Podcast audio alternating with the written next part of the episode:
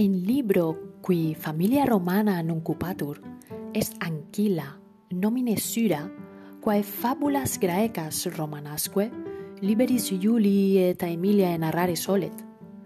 Ultis et vos eas audire? Sequaminime.